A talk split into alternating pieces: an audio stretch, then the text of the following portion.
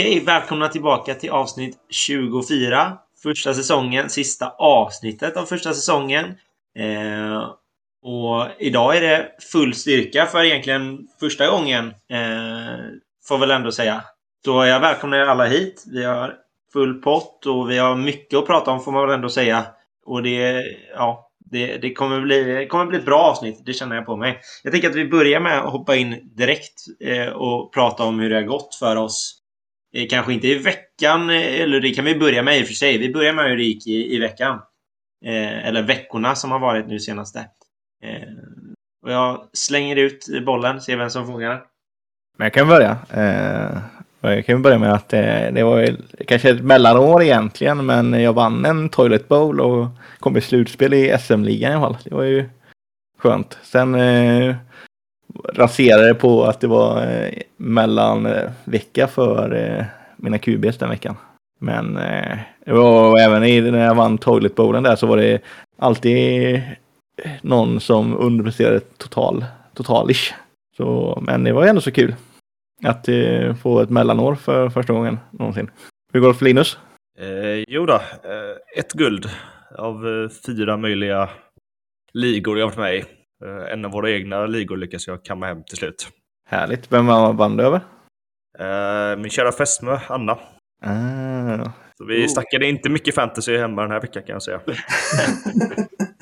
Du, var, du sa inte vilka bra som var de bästa pixen alltså? Nej, jag brukar komma med lite tips och sånt i vanliga fall, men då, jag tänkte jag får hålla tillbaka dem nu när det är final. Det låter väl ändå rimligt. Ja. Jonas, hur har det gått för dig? Ja, jag har väl också haft ett eh, mellanår som eh, Måns. En seger av 25 möjliga. Um, men eh, jag vann den ligan jag hoppades vinna i, i alla fall. Um, sen eh, har jag inte vunnit någon Toilet Bowl, vilket man kan väl se det som en vinst i sig kanske. Uh, du förlorade Toilet Bowl mot mig. Ja, just, ja, just det. Ja, vilket gjorde att jag tänkte att vann Toilet Bowl. Du, du ville ju vinna den egentligen. Uh, och jag ja, försökte... precis. det är sant. Uh, nej, men det, så det har varit uh, i uh, NFL-poddens uh, 16-mannaliga så åkte jag i semi. Uh, Kelsey var sjuk, så det var väl det som hindrade där. Men ändå ett, varit med i topp striderna där jag velat vara. Så det har väl varit okej, okay, men inte riktigt hela vägen. Mm. Jag tror jag med... Ja, förlåt Måns först. Vad Nej, jag tänkte bara, jag kom på att man var ju mycket här precis i båda de ligorna jag var med i, just de som vi har, så var jag ju på femma. Var ju väl precis missar båda två i båda fallen. Det var lite tråkigt. Men eh, så är det. Jag får annars hade det varit slutspel. Och garanterad vinst. Nej, jag vet inte. Oj, oj, oj. Nej, men Kristoffer, hur gick för dig? Ja, det har vi väl egentligen fått höra hela säsongen att det inte har gått så bra för mig. Det har varit ett eh, riktigt skitår faktiskt. Um, men jag ser fram emot en ordentlig revansch. Jag ska fan säga till att vinna varenda jävla match nästa säsong, för nu är jag lite sur. Så nu ska det bli, bli bra igen. Nu ska vi ändra på grejerna. Du har väl lärt dig programmera nu så att du kan cheatcoda lite grejer? Ja, precis. Jag bara plockar API'n och sen är det inga problem. Ja, Nej, men så det, det, det, ska bli, det ska bli eh, kul att få köra fantasy på riktigt på något sätt nästa säsong. Hoppas jag i alla fall. Eh, mm. Det har inte varit, inte varit något kul. Eh, men det, jag tycker också att det märks eh, så himla stor skillnad när man börjar komma till slutet på säsongen. Framförallt denna säsong när det är en vecka till. Det är när skadorna kommer in som liksom skillsen verkligen visas. Men ja, det gäller att visa dem i draften också och det gjorde jag inte i år. Mm. Men jag fick vinna en garbage-match mot Måns i alla fall där på slutet i en av våra ligor, så det var ju lite kul. Hurra! ja men gött ni. Eh, jag tänker vi, vi, vi kör väl lite nyheter, för det har ju ändå varit en eh, härlig liten sparka coach-måndag. Eh, som det alltid är varje år. Eh, och därför lämnar jag över till vår vanliga korrespondent i Måns som ska gå igenom lite nyheter. Mm. Vi kan ju börja upp i NFC North. Både för mig och Jonas där så är det ju både Vikings och Bears har gjort rent slut, rent hus med eh, general manager och coach. Och i Bears fall även eh, OC va? Eh, Bears fall alla möjliga. Jag tror det bara är defensive coordinator som är kvar. Jag vet inte, jag har inte riktigt sett hur eh, Vikings har det. Kanske att det blir rent hus där också. Kan inte förvåna mig inte egentligen. Beror nog helt på vad det är för de hittar. Var det inte GM där också? Om inte jag läste fel. I Bears eller i Vikings? I Vikings. Ja, Vikings är Slick Rick är borta. Ja, okej. Okay. Så vi har, eh, vad var det? Eh, jag såg att det var silent, eh, eh, moment of silent i sex, sjätte rundan det här året. Eh, jag tror att Vikings inte har något sjätte runda pick som vanligt. Det brukar alltid tradas ner till en 8 miljoner sjunde rundor istället. Men eh, det är alltid trevligt att ha många picks. Eh, sen har vi även, eh, det var väl den mest eh, chockerande grejen under eh, Black Monday var väl att eh, Flores blev sparkad av Dolphins. Eh, det är väl, var väl det som jag har fått läsa mig till är väl att det var väl lite interna stridigheter där. Ja, jag har också förstått det som det. Att Ja. det var G- GM och coach kom inte riktigt överens. Mm. Jag tycker den är jävligt synd alltså, för jag tycker Flores har gjort ett jävligt bra jobb med det laget han haft att jobba med. Mm. Eh, Jag, jag tycker den känns lite orättvis, eh, faktiskt, om jag ska vara helt ärlig. Ja, men eh, jag tror att både jag eh, vet att en hel del Vikings-fans kollar in Brian Flores just nu. Men Även Ja, Bears-fans. ja, men alltså jag är sugen på Kellen Moore också. Men, eh, och Eric Benemy. Men eh, vi får se lite vad som händer där. Men sen, eh, kan, sen kan vi nämna det också med Flores att Deshaun Watson var ju intresserad av att komma till Miami. Och han var ju till stor del var ju Flores anledningen. Så nu blir det intressant att se om vart Watson kan tänka sig bli tradad i Mm. offseason. För Texans har ju gått ut med att de ska trada honom innan Free Agency börjar. Mm. Så det blir spännande att se vad han tar vägen. Han- Eh, mer i Texans är ju Cully. Han satt väl där på staty i år, men han har ändå gjort okej från sig. Bättre, mer vinst än vad, jag, vad man kunde tro från början av året. Men man får tacka David Mills att han gjorde bra ifrån sig, men Cully fick kicken, som jag förstår det som. Det, de letade väl någon i, men det var väl planerat. Jag kan väl misstänka att de egentligen skulle kunna köra ett år till med Cully, men det är... För de har inte riktigt, de behöver fortfarande bygga året om året till. Och det är inte så spännande att vara Texans ändå. Är det någon annan som har någonting att tillägga om Texans? Ja, Det är väl också lite, alltså, vad skulle han göra? Alltså, det Mm. känns väl lite så. Om man kollar på denna säsongen så är det ju liksom inte så mycket, han har inte så mycket leksaker, om man säger så. Nej. Och det, de kommer inte ha så mycket leksaker nästa år ändå heller, så jag tycker att det... Varför inte? Nej, men, och jag tänker att det kanske inte är på honom riktigt. Eh, Nej. Och, och det känns lite som att de behöver göra någonting bara för att visa fansen att de gör någonting mer än att de faktiskt inte tror på honom eller vad det nu Mm. känns lite den viben. Nej, jag tycker det känns som att Texans har överpresterat i år. Till och med. Mm. Eh, att, eh, han, han har verkligen fått laget att gå åt samma håll. De har varit underdog hela året. Och Mills var en tredje runda QB som överpresterade från vad man förväntade sig av honom. Och, ja, det enda som har presterat vad man trodde är ju eh, Cooks egentligen. Eh, och alla andra har ju varit bättre än man trodde. Så det är ju faktiskt ganska överraskande att han får sparken. Man trodde att ja, ja, men första året kommer han ju sitta säkert oavsett, oavsett vad som händer. Mm. Det... Men eh, han var väl rätt gammal också kanske. Han gjorde sin pensionspengar nu är säkrare. Så kan ju vara det också. Inte vet jag. Eh, slutligen av vi kickade på coacher är väl Fanio i Broncos. Och det var väl också ganska väntad grej som hände. Eh, och ni har, ingen, har ni någonting att tillägga på Broncos? Det är nog ett eftertraktat eh, eh, headcoach-jobb. Det är det. Så totalt är det väl fem öppningar i år va? Nej vänta, Ja. sex, sex öppningar blir det väl? Sex öppningar. Med där också. Vad sa du? Jaguars är ju med där. Ja just det, Nej, sju, sju blir det då. För Raiders är ju inte, är väl inte interim på va? Ja, Ja, jag skulle säga att eh, Raiders och Jaguars är ju fortfarande lite ute efter... Mm. Så det blir väl sju öppna platser för nya OCS, eller headcoaches i, i år. Det... Och eh, på tal om headcoaches har vi väl lite... Tänkte väl att det här känns ju som Jonas, du har bäst koll på de här, men eh, vad är, vilka headcoach-kandidater har du som du tänker på? Ja, det finns ju en del ute. Eh, Brian Flores har vi pratat om. Han är ju väldigt het på marknaden. Det är flera som har kontaktat honom. Bears har redan bokat in en intervju. Jag tror Vikings har kontaktat honom också. Eh, sen har du Doug Peterson som tog ett sabbatsår eh, och vill komma tillbaka. Eh, Dan Quinn som har varit head coach tidigare, är defensive coordinator i Cowboys.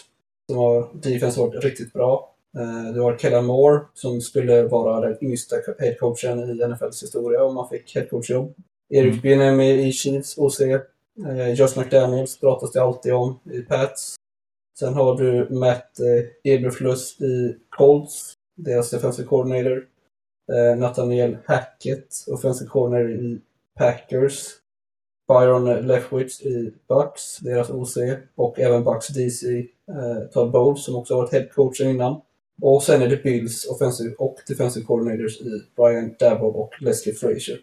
Det är väl de som är hetaste på marknaden. Sen finns det fler, men eh, det är väl de som är de eh, som flest har skickat förfrågningar kring. Mm. Är det någon som du känner dig extra sugen på i Bears? Vem skulle du Eh. ha haft tillsammans med Fields mest? Jag hade väl velat ha Brian Flores faktiskt. Mm. Även Eller är- Kellen Moore eller? Ja, precis. Men jag tror det Bears har ändrat lite inriktning. De vill ha en eh, leader amongst men. Mm. Karaktär, inte en eh, QB-guru. Mm. På samma sätt. Nej, Nej men det... Ja, det... det känns, eh, men vilka... och Du tyckte väl att, eh, på tal om eh, Broncos kändes som mest attraktiva jobbet eller kändes som... Vilket känns mest attraktivt, tycker du? Om man är ute efter att ha chans att vinna nu så skulle jag säga att Broncos är överlägset mest attraktivt av de som finns just nu.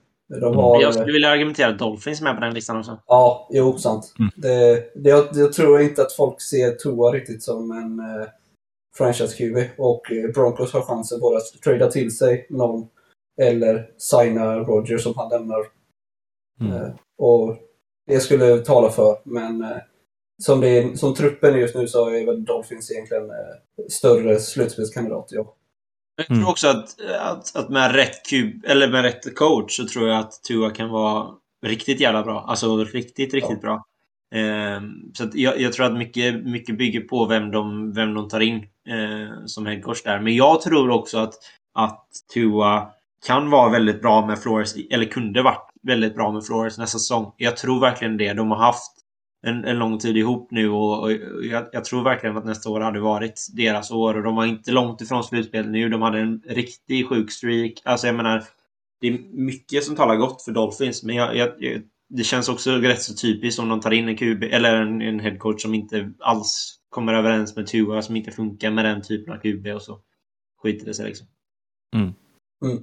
Men Jag tycker, alltså om jag får nämna de som jag tycker är intressanta som headcoach så tycker jag håller med om Flores.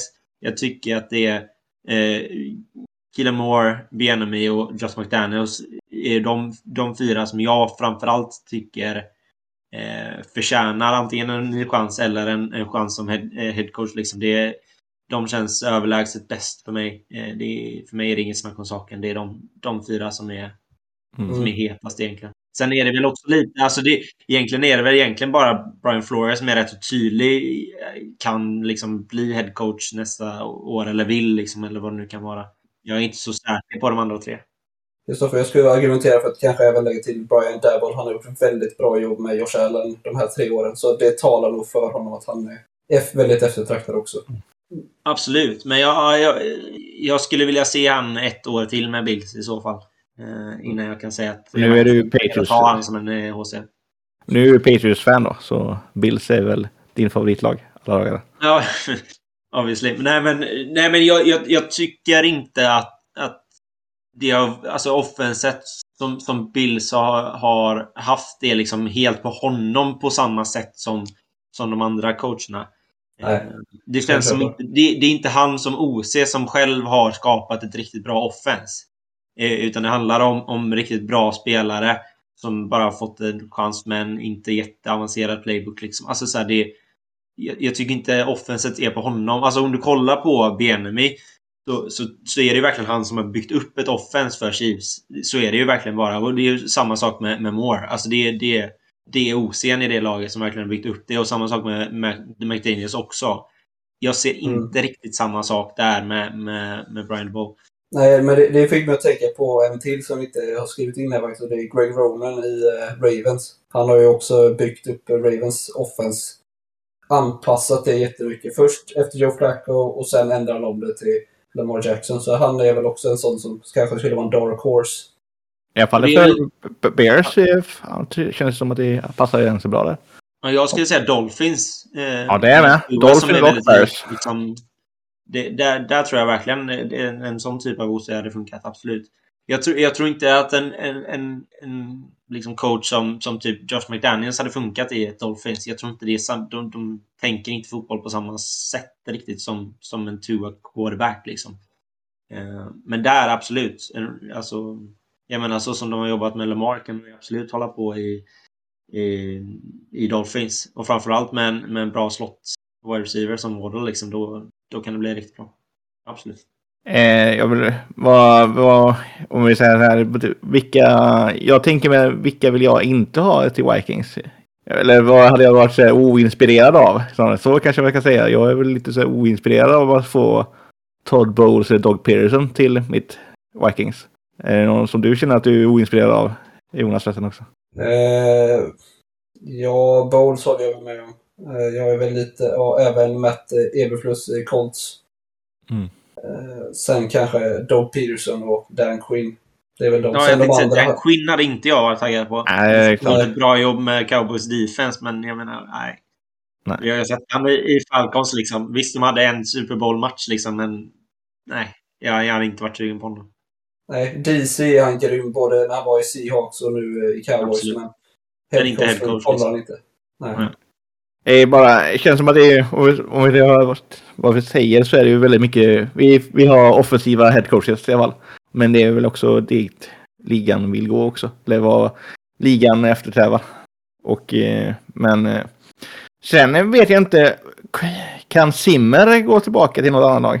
Det, det där känns verkligen som en sån som, som skulle behöva vara en perfekt liksom, fit i så fall. Mm. Eh, han, kan, han han kommer ju nog bli DC i något lag i alla fall. Jo, men blir- jag, jag, det är det lite sådär, det hade... Laget hade verkligen behövt liksom passa honom perfekt. Jag tror inte Mm. att han hade bara passat i vilket lag som helst. Utan då skulle det verkligen vara någonting som öppnade upp sig som hade varit liksom perfekt för honom. Någon som Mm. verkligen är liksom defense. Ja, Mm. Alltså bygga upp sitt defense från grunden så redan har ett bra... Alltså så här, det, det, om man säger så då. Ett lag som, som redan har, eller som inte behöver en ny headcoach för det har gått bra för dem. Ett sånt lag hade säkert funkat väldigt bra. Mm. Men jag tror inte att han är riktigt redo för typ ett rebuild-lag. Det, det, det. Nej, jag bara känner att det är Simmer är väl den som av dem, eh, förutom Fan. Fan ju kanske kan få ett DC-jobb också. Negi vet jag inte riktigt om han... Ja, Negi får väl också någonting, men... eh, Han skulle känns- nog behöva sitta ett år och Ja. analysera vad han gjort fel. Mm. Men jag tror att det är Simmer och Fanny är väl de som är intressanta till på något nytt igen. Av Ja, alltså DC absolut. Ja, eh, Flores är absolut hetast, men alltså, jag tänker att Simmer och eh, Fanny får i alla fall inte int, intressen för någonting nytt i alla fall. Ja, lite Men, eh, absolut. Jag tar gärna Fangio som DC i Chargers. Det hade varit perfekt. Jag tror jag, tror jag hade gillat Simmer också. Ja, Ja, men tänker han är ju men han har jobbat med Stale innan, eller rättare sagt Stale har jobbat under Fangio innan, så de har ju en historia. Mm. Och det, han kan ju liksom eh, den divisionen väldigt bra. Så att, eh, det hade inte jag tackat nej till. Ja, du har en väldigt bra poäng faktiskt. Ja, men det blir spännande att se vad de i coachkarusellen också tar vägen. Sen har man ju free agency för längre fram också. Det blir spännande. Men det kommer framöver. Ska vi... Har ni några mer nyheter att nämna? Som ni känner? Jag har inget mer. Nej, Nej, jag vet då- inte. Om vi ska bara nämna lite förbifarten, eh, hela karusellen med Antonio Brown som var nu förra veckan. Det, det är väl en nyhet att han... eh, Det är väl nästan what the fuck. är giggad. Ja. Det är väl nästan what the fuck över hela den grejen. Men eh, Ja, jo, men det är också lite off-field här liksom. ja. Det, Men det leder oss lite bra in i what the fuck is going on dude. Så vi kan absolut prata AB, det tycker jag verkligen. det var en bra, bra segway. ja. Ja, Ja, precis. verkligen. Ja, jag bara... What the fuck is going on, dude? Jag tänker så här med AB. Om, jag antar att ni alla har sett båda sidorna av hela det här köret. Alltså, Ja. Jag har lyssnat på både AB och liksom... Ja. Om, om man bara säger så här. vi- Vilka av er tror på AB? Inte jag. Inte jag. Nej. Däremot kan jag tro att han kanske har ett argument som stämmer. Men eh, Jag Jag- tror så här. Jag tror absolut på att AB såg situationen så. mm, det kan jag 100%. nog. 100% 100%. att hans, det, var, det var liksom så hans hjärna kopplade situationen. Mm. Så tror vi verkligen jag. Att han bara så här har bestämt sig för att så här var det, nu så här gick det till. Mm. Och sen när folk säger att nej, så blev han inte så glad. Eh, Eh, Sen att han inte, efter han har lugnat ner sig, att han inte eh, fortfarande tror att det har hänt så. Utan att det kanske... Det är väl det som man kan... Vad det beror på. Jag tror bara att han har liksom ställt in sig på att de blir sura på honom för att han inte ville spela, typ. Mm. För att han var skadad. Men där var det liksom, han kanske sa innan matchen att ah, men det är, vi får se typ, hur skadan går. Mm. Ja, men det Så- var väl att eh, med skadan var det väl att det var ju, det visste man ju redan om, det, han var ju questionable för matchen. Men det som jag, det som jag ifrågasätter, det blir ju så att han säger att nej, jag kan inte spela för att jag har så ont i foten och sen kan han hoppa och studsa i en zone på väg ut. För mig är det så här, har du så ont då kan du knappt stödja på foten. Sen, Mm. sen tvivlar jag inte på att han har, ska, att han har ont. Men eh, att så som han klarar av, det tycker jag det kändes liksom, ja, Mm. känns inte riktigt som att det stämmer. Och sen att han ska påstå att, eller han har sagt att coacherna ska liksom visat kniv mot strupen på honom. Det, det skulle jag vilja ha filmbevis på för att jag ska tro på. Ja, alltså, om Ja. han bara typ hade filmat när han hoppade av planen så hade alla varit på hans sida. Att han liksom haltade ut. Då hade folk bara, "Ja, men fan det är ju synd om honom.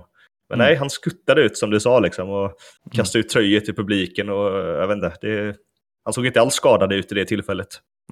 Och sen är det ju samma sak. Jag menar, EB har spelat i, i, NFL hur länge som helst. Alltså, han vet ju hur det ser ut. Han vet att... Alltså, du vet, han, han börjar liksom nämna de här... Ja, jag fick väldigt så här eh, smärtstillande och grejer. Alltså, så här, det är ju ingenting nytt. Alltså, alla som har kollat på NFL ett tag vet att de håller på med sjuka smärtstillande. Alltså, det är ju ingen nyhet för någon som kollar på NFL. Eh, och att han försöker trycka det som ett så här, tycks synd om mig, de proppar mig med liksom konstiga droger. Ja, men det, det har ju vi vetat om sedan alltid. Liksom. Det, det kändes verkligen som ett sätt för honom att bara så här, tycks synd om mig. Eh, de proppar mig med droger. Vi bara så här, alla som kollar på NFL bara, ja, vi, vi vet. typ. Ja, men vi kan säga så här då. Kan AB komma tillbaka i ett annat lag? Nej. Nej, jag tror den båten har seglat iväg nu alltså. För det är intressant, för dels har vi ju definitivt allihopa, alltså när, när han var klar liksom senast. Eller så här, det är ju ingen som trodde att han kunde komma till Tampa liksom. Eller om Tom Brady byter lag. ja. Nej, jag, nej, jag tror faktiskt att det, det är skeppet har seglat med Brady efter det han gjorde med ensam hemma-grejerna när Brady och, och, eh, och Arians är på varsin sida som tjuvarna. Eh, där tror jag skeppet seglar även med Brady. Men alltså, jag tycker det är så här konstigt rebuild-lag. Ja, men rätt, coach kanske. Om det är en coach han respekterar, så eh, kanske. Ja. Alltså, jag, ja. Det är väl inte allt för många coacher som kan hålla ply på honom heller, tänker jag. Nej, men alltså Mike, Tom, eh, Mike Tomlin, alltså skulle han, eh, skulle han... Jag tror inte Steelers är direkt intresserade av honom, men en, alltså en liknande sån eh, extremt bestämd coach skulle det inte vara omöjligt. Alltså få ner honom på jorden och så. Men det känns som att efter att han fick sin tackling av Burfict för ett antal år sedan när han var i Steelers så har ju det gått ut för EB mentalt. Ja. Jag tänker också att, alltså så här, vi har ju ändå sett samma, eller liknande grejer med, med Flash Gordon. Alltså då, då har han fortfarande fått ploppa runt mellan lag. Alltså, kan det bli någon sån situation där? Alltså, så här, för det är det jag tänker. Visst att han inte spelar en hel säsong med ett lag, men att det blir som Flash Gordon kommer till, vad var det, Seahawks eh, närmast, Mm. eller det var Chiefs Chiefs är nu. Chiefs Ja, precis. Där han spelar liksom två matcher och sen så går han till ett nytt lag ett halvår senare. Liksom. Jag känner att den situationen är ju i och för sig inte omöjlig. Alltså såhär, någon, någon, eh, något lag tappar sin bästa VR som hamnar på någon IR-lista typ. Och så ja, men då tar de in AB i två, tre matcher och sen så skickar de iväg en igen. Liksom. Nej, men jag skulle bara säga det jag tror väl en, en som QB kanske som Russell Wilson kanske skulle vara intressant. intressant. För han har ju, om han blir kvar i Seahawks, för han har ju klarat på att han inte har tillräckligt med vapen. Och det, det, han, han var ju jättepå, som du sa, med Josh Gordon. Jag tror han skulle kunna trycka på att försöka få AB. Om det skulle vara så att de verkligen var desperata. Och han blir Om kvar. han är kvar då. Ja, det var det med. Om han är kvar. Och där är väl kanske också en HC som man inte har pratat om så mycket som eh, kanske eh, har gjort sitt. Alltså jag menar, äldsta coachen i ligan eh, hade en väldigt dålig säsong. Där är det ju i och för sig möjligt att det kommer in en ny HC också. Mm. Och är det då, alltså så här, ja, ja, ja, men jag tänker att AB absolut hade kunnat hoppa in i ett Seahawks-lag som, som vill någonstans liksom. Ja, ja, men intressant hörni. Eh, lite mer what the fuck is going on. Eh, är det någon som har någonting direkt på hjärnan? För det första som slår mig är ju, är ju Jaguars. Eh, som, ja, man får väl ändå sä- säga att de körde över Colts. Mm. Eh, som är liksom i win and get in situation och eh, ingenting vill. Det, det jag tänker på framförallt är så här, vad, vad betyder detta för, för, för Jags i, inför nästa säsong? Betyder liksom den vinsten någonting? Det tror jag. Men jag tror att det, det som jag tror att det gäller framförallt, för det, är blir jättemycket att Jaguars eller Trevor Lawrence visar upp att här kan vi bygga hype nästa år. Men framförallt betyder ju jättemycket för Koll som dels missar slutspel och inte har någon första rundpick nästa år, eller i år. Och de behöver ju desperat en QB efter så, så som Carson Wentz spelade. var ju ingen eh, som blev glad av det. Det är väl det som jag tar framförallt från den matchen, att det är Colts bara blev, eh, fall, föll ihop. Och det här är också intressant för Jonathan Taylor var ju inte alltså, så som han har varit hela säsongen i den matchen heller. Nej, jag fick upp typ 10 poäng kanske. Fantasypoäng. Jo, ja, men jag menar, alltså, så, vad, vad säger det? För de har ju, får väl ändå säga, bästa o-linen i ligan. Eh, alltså, det, det, är lite konstigt. Alltså, det är ju inte bara, det är inte bara Wentz som, som är skit den matchen. Det, det, är ju liksom hela laget. Men det, det, är också frågan, är det, är det Jaguars som, som bara liksom hade en riktigt bra match? För det är det jag menar, om, de, om Jaguars faktiskt har en riktigt bra match den matchen, och då, då finns det i alla fall lite hopp inför nästa säsong. Vilket jag inte hade kanske sagt annars, utan den matchen. De har ju spöat Bills också. Ja, det har de gjort. Men jag tänkte historiskt sett, jag tror inte Colts har vunnit eh, nere i eh, Jacksonville på många, många år. Så det, men det jag tänker är att det här kan också handla liksom så här, oh, ja men vi ska bara städa av de här. Alltså man har inte lagt ner 100% scouting som man gjort tidigare. Utan man tänker, ja men det här, Jags, de, de har ingenting att spela för, vi, de kör vi över. Och så har man inte gjort det bra. Sen har ju inte de Colts har ju, de har Pittman och sen har de ju inte särskilt mycket mer eh, receiving-vapen. Så Wentz har ju egentligen bara ett target, ja, TY ibland, men det känns som att Colts offense är, det skulle behöva utvecklas mer än bara run game. Och det blir ganska lätt att genomskåda. Och där är också en intressant grej då, eh, i och med att de inte har ett som Måns nämner, ett första pick. För jag menar, säg att, säg att man tror på Wentz så har de ju fortfarande inget första roundpick att göra någonting med. Alltså så här, det, ja, det är intressant. Ja, men eh, Free Agency tror jag Colts kommer behöva investera i wide receiver. Typ mm. Gallup eller, eller något liknande. Alltså en eh, alfa-receiver som kan eh, hålla till mycket ute på utsidan och fånga det bollar. Det tror jag skulle kunna vara ett bra, bra rekrytering om eh, Gallup då vill lämna Boys. Men det kanske han vill. Ja, ja intressant hörni. Eh, något mer som jag vet att, att eh, Linus är väldigt eh, intresserad av är ju, är ju Lions-matchen och framförallt då kanske Monray South Brown. Eh, vill du prata lite om vad, vad du ser i den matchen, Linus? Ja, eh, SunGod som jag sett att han börjat kallas på nätet. Eh, han då eh, tror jag har varit en ligavinnare för många lag. Han har snittat 25,1 poäng de senaste sex matcherna. Och det är ju man plockar upp honom väldigt sent om man nu gjorde det. Och det är bara hatten av. Jag vet att det har varit en del skadebekymmer i Lions och så, men, och att hans roll har blivit stor på grund av det. Men det är svårt att blunda för 25,1 poäng ändå. Absolut. Han har ju tagit chansen också. Det, ska ju också, det är inte bara att, han har, att det är skador, utan han har ju faktiskt visat också att han förtjänar chansen. Exakt. Jag tycker verkligen det är intressant och intressant inför nästa säsong vad man, vad man ställer sig där. Eh, i Usain Brown. Liksom, var, vart sätter man honom på, på de här listorna? Liksom? För det är som mm. du säger, alltså slutet på säsongen med, har han ju varit en top wide receiver. Så är det ju bara. Ja, eh, och en annan eh, rookie receiver då. Det här är visserligen från eh, förra veckan, men det måste vi ändå nämna. Eh, Jamar Chase, han, han eh, kom ju upp i 55,6 fantasypoäng förra veckan. Och det är då det femte högsta poängen någonsin. Eh, hatten av där också. Han, ja, eh, wow. Vilken match. 11 av 12 uh, targets uh, för 266 yards och tre touchdowns. Det var ju... Ja, också, förlåt, veckan efter Burrow hade sin liksom kanonmatch också. Ja, det var väl T. Higgins va, som hade en kanonmatch veckan innan, var det så? Ja, det var det. Mm. Mm. Så det Kanske inte kul. riktigt en kanonmatch denna vecka, men de eh, gick ju liksom inte riktigt in för att vinna där Bengals. Nej, exakt. Jag vill bara säga, jag vill bara nämna att Chase hade ju väl kanske, jag hade ju T. Higgins lite över Chase i år, men det är för, nästa år, är det, eller nästa år blir ju Chase som är eh, T eller VR1 i det laget, utan några. Och han har ju, och Bengals har ju VR så det bara sjunger om det fortfarande. Mm, exakt. Jo, den kemin mellan Chase och Burrow ska man inte underskatta. Nej. Och eh, många tyckte ju att de borde draftat o-line, före- eller tyckte då, i, före de har sett hur bra han var. Men eh, jag tror de flesta Bengals-fansen är undernöjda med Chase eh, som första pick där. Det får man väl säga. Ja, För jag var verkligen en sån som eh, blev ordentligt chockerad när de tar Jamar för en, för en o-line mm. i draften. Men det har ju definitivt visat sig som rätt, rätt val. Ja, jag tror inte att eh, Sol hade varit fel egentligen heller. Men eh, det visar ju sig ju nu verkligen att Chase connection där, det är, den är grym. Och sen gjorde ju ändå Bengals som signade ändå o-line eh, i Free Agency, så de byggde ändå upp sin o-line. Det ska man ju också komma ihåg från förra året. Men den, Mm. hade, den är ju inte, den är, så den är ju bättre än förra året. Det, det kan man ju komma ihåg också.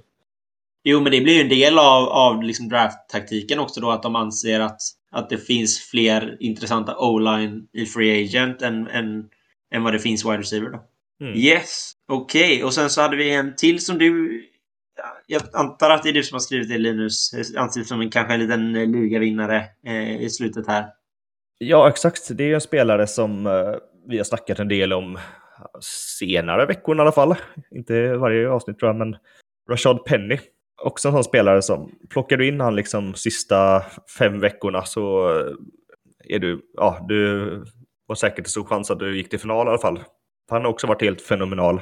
Jag tror att vi hade honom som i veckans pickup två veckor i rad. Ja, exakt. Så att om man lyssnar på oss så, så kanske ni hade vunnit. Mm. Och vi hade även eh, Saint Brown också, någon vecka Ja. också, pickade. Så båda de här har varit med flera gånger på våra listor. Så hurra till oss! Klapp till axeln. På... Ja, precis. Ja. Nej, men Penny då har ju snittat 22,04 poäng de senaste fem matcherna. Och här blir en intressant diskussion, eh, för mig i alla fall. Eh, Är det här ett tecken på att, att, att Carson kommer vara bra nästa säsong för att de har liksom öppnat upp för springspel i Seahawks? Eller är det att, att Penny kommer vara bra nästa säsong? Vad, vad, eller in- inget, inget av dem då? Vad, vad anser ni där? Penny är väl free agent? Penny är free agent. Eh, eh, Carson. Eh, ja, om man nu ska vara skadedrabbad eh, så är väl Carson jättehög på den listan. Han har väl en kronisk eh, nackskada om jag minns rätt. Ja, är väl någon, Jo. eh, disk, någon disk i eh, Ja. nacken va? Mm. Så eh, Jag, jag skulle kunna tänka mig att Seahawks eh, tar tillbaka Penny och så försöker göra en liten committee med Penny och draftar en running back. Och försöker ha en liten committee där med de två. Så att se om Penny håller en hel säsong. För han är ju extremt skadefull han också. Ja, samtidigt så, så pratar vi precis om att, att Wilson kanske vill ha mer targets. Alltså jag menar, det, det blir väl också lite om de draftar running back där istället så blir det väl lite, Ja, lite surt i det, i det huset så att säga. jo. Nej, jag tänkte de kanske, de har ju... Nej, har de ens, de har inte sitt första pick. Har de ens sitt andra pick i år? Seahawks. Jag tror att de har andra picket, men jag är inte säker. Nej, för då kanske de tar receiver i runda två och så running back i runda tre. Skulle de kunna göra. Jo, Om, möjligt. om man vill ha Wilson nöjd. Ja. Men det är då, ja, då är det defenset. Men ja, det är, ja, är intressant. Oavsett. Eh, Okej, men jag tänker vi gör så här. Eh, att jag släpper över till Linus och så tänker jag att vi ska ta ett segment och liksom kanske vända och göra ett litet, lite extra på det. Eh, och då pratar jag såklart om, om bästa spelaren. Eh, och jag, ja, jag släpper över till dig Linus. Ja, eh, vi har då kikat på de spelare i varje position som då har haft högst medelpoäng kan man säga. Så vi Ja. börjar då i vanlig ordning med QB. Då har vi vinnaren då, Josh Allen, som snittade 23,7 poäng. Inte helt oväntat kanske, men eh, man visste att han skulle vara där uppe någonstans. Ja, och och ändå kanske lite. Det, kän, det, det, det har liksom inte riktigt känts som att, att Josh Allen har varit den bästa fantasy-QB'n. Kanske. Nej, Eller i mina ögon i alla fall. Nej, jag kan hålla med. ja, han har väl varit väldigt, eh, han är väldigt bra i slutet här om jag minns, kommer ihåg mina veckor här rätt. Men han har ju Och jag varit skulle säga att det är rätt stabil då. Eller liksom... stabil, stabil i slutet har han varit. Men inte så Jämn skulle jag säga. Att han Ja, har ja, presterat precis. liksom jämn, typ 23-28 poäng, liksom, någonstans däremellan. Hela tiden. De andra kuberna har ju haft några plattmatcher, men han har nog inte haft särskilt många. Ja, det var det jag menade, liksom att han, han har hållit sig liksom på ett ja, bra, bra poäng liksom, genom säsongen. Sen är det ju starkt att det var QB två år i rad. Absolut. Mm. Mm. Sen då på andra plats har vi Justin Herbert på 22,4 poäng. Och den känns ju mycket mer rimlig. Eller på den här liksom topplistan. Han känns ju verkligen som han har... Eller alltså Justin Herbert har ju liksom varit den som bara är lite wow-faktorn denna, detta året, denna säsong. Ja, han landade över 5000 passing yards så jag tror han kom trea på antal touchdowns. Att, eh, ja, det, han kommer nog, gissar jag på, kommer vara här nästa år också i topp top tre-listan. Sen då har vi den eviga geten Tom Brady på 22 poäng. Och jag såg ett litet smile där på Måns. Jag tycker det, kändes som du inte vill prata om detta. Men jag, jag kan inte med och, och säga någonting annat än att jag sa ju det. Men eh, ja, han var, han var bra i år. Men du hade oss som etta va? Eller hade du, var det topp tre? Vi- jag tror till och med vi pratade topp fem eh, Ja, okej. ett tag. Eh, och jag sa ju redan från, alltså, från liksom mock draft att, att eh, Brady kommer ha ett... Jag, jag, jag, kanske, jag tror att jag var med på att han kanske var den mest prisvärda, men jag, eller draftvärdet var bäst på Brady. Men eh, Ja, precis. Jag tror att det var därför vi kom in i, i, i det liksom snacket av att jag bara så här, jo, men inte bara prisvärd utan också topp tre. Liksom. Ja. Eh, så att det är ja, också... Fan vad imponerande. Alltså, Ja. ja, man får säga det varje år, men det är ju fruktansvärt imponerande alltså. Oh ja. Sen då running backs. Då har vi första plats Jonathan Taylor på 21,9 poäng. Stadigt också. Ja, verkligen. Eh, ja, eh, han eh, drog ifrån ganska rejält när Henry gick ner i antal uh, rushing yards. Och även TDs. Eh, ja, haft en kanonsäsong. Kommer säkert gå högt nästa draft, gissar jag på. eh, jag kan väl bara lägga till där, om man nu kollar på season average så är det ju faktiskt så att eh, Henry har ju haft mer. Ja, men han har missat så många matcher så att det blir väl lite... ja. Man får ett minimumkrav, tänker jag, på antal matcher. Lite missvisande kanske. Ja. Mm. Sen då har vi Austin Eckler på 21,5. Jag tror att han eh, tangerade antal touchdowns som Taylor gjorde, även om inte alla var rushing kanske. Jag tror han landade på samma antal touchdown totalt i alla fall. Så en PPR-monster helt enkelt.